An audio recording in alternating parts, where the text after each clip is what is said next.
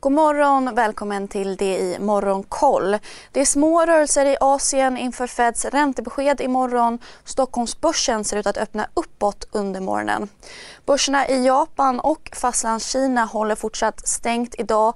Hongkongbörsen stiger svagt liksom Kospi-index i Sydkorea. E-handelsjätten Alibaba rasade vid öppning på rykten om att grundaren arresterats i Hangzhou där bolaget har huvudkontor. Men aktien har nu återhämtat sig och stiger drygt 4 i Australien höjde centralbanken styrräntan med 25 punkter till 0,35% som väntat och imorgon väntas Fed höja räntan med 50 punkter vilket då blir största höjningen sedan millennieskiftet. Den amerikanska tioåringen steg igår till 3% det vill säga högsta nivån sedan december 2018 och har nu backat några punkter. Börserna i USA stängde på plus efter ett rus den senaste handelstimmen. S&P 500 var upp en halv procent och Nasdaq lyfte en och en halv procent. Bokningstjänsten Expedia och biluthyraren Avis rusade i efterhanden efter att ha rapporterat starka resultat. Även Sandvik-konkurrenten Kennemet... Vi är specialister på det vi gör, precis som du. Därför försäkrar vi på Swedea bara småföretag, som ditt.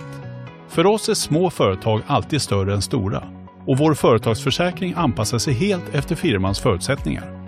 Gå in på swedea.se företag och jämför själv. redovisade något bättre resultat än väntat och var upp 2 vid stängning. Flygplantillverkaren Boeing backade svagt och föll för nionde dagen i rad igår.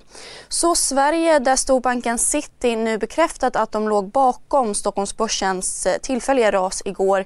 I ett uttalande till Bloomberg skriver banken att en av bankens handlare gjort fel vid en transaktion. Tv och streamingbolagen Nents VD Anders Jensen har köpt aktier i bolaget för ett värde om runt en miljon kronor. Bolaget släppte rapport förra veckan och aktien är nu ner runt 35% sedan årsskiftet. Vidare har Cavotec som säljer utrustning till hamnar och flygplatser fått en flerårig order från ett eh, globalt rederi för ett värde om 15,7 miljoner euro. Under morgonen ser vi fram emot ytterligare rapporter från bland annat spelutvecklaren Paradox, kundundersökningsbolaget Sint och plastkoncernen Nolato. Dessutom månadsstatistik från Avanza och Nordnet. Spännande att se hur investerarviljan utvecklats i april efter en minskning i mars. Missa inte heller Börsmorgon som vanligt 8.45.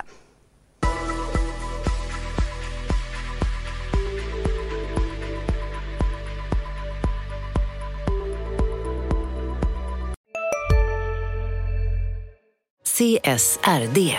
Ännu en förkortning som väcker känslor hos företagare. Men lugn, våra rådgivare här på PWC har koll på det som din verksamhet berörs av. Från hållbarhetslösningar och nya regelverk till affärsutveckling och ansvarsfulla AI-strategier. Välkommen till PWC. Hej, Synoptik här. Så här års är det extra viktigt att du skyddar dina ögon mot solens skadliga strålar. Därför får du just nu 50% på ett par solglasögon i din styrka när du köper glasögon hos oss på Synoptik. Boka tid och läs mer på synoptik.se. Välkommen!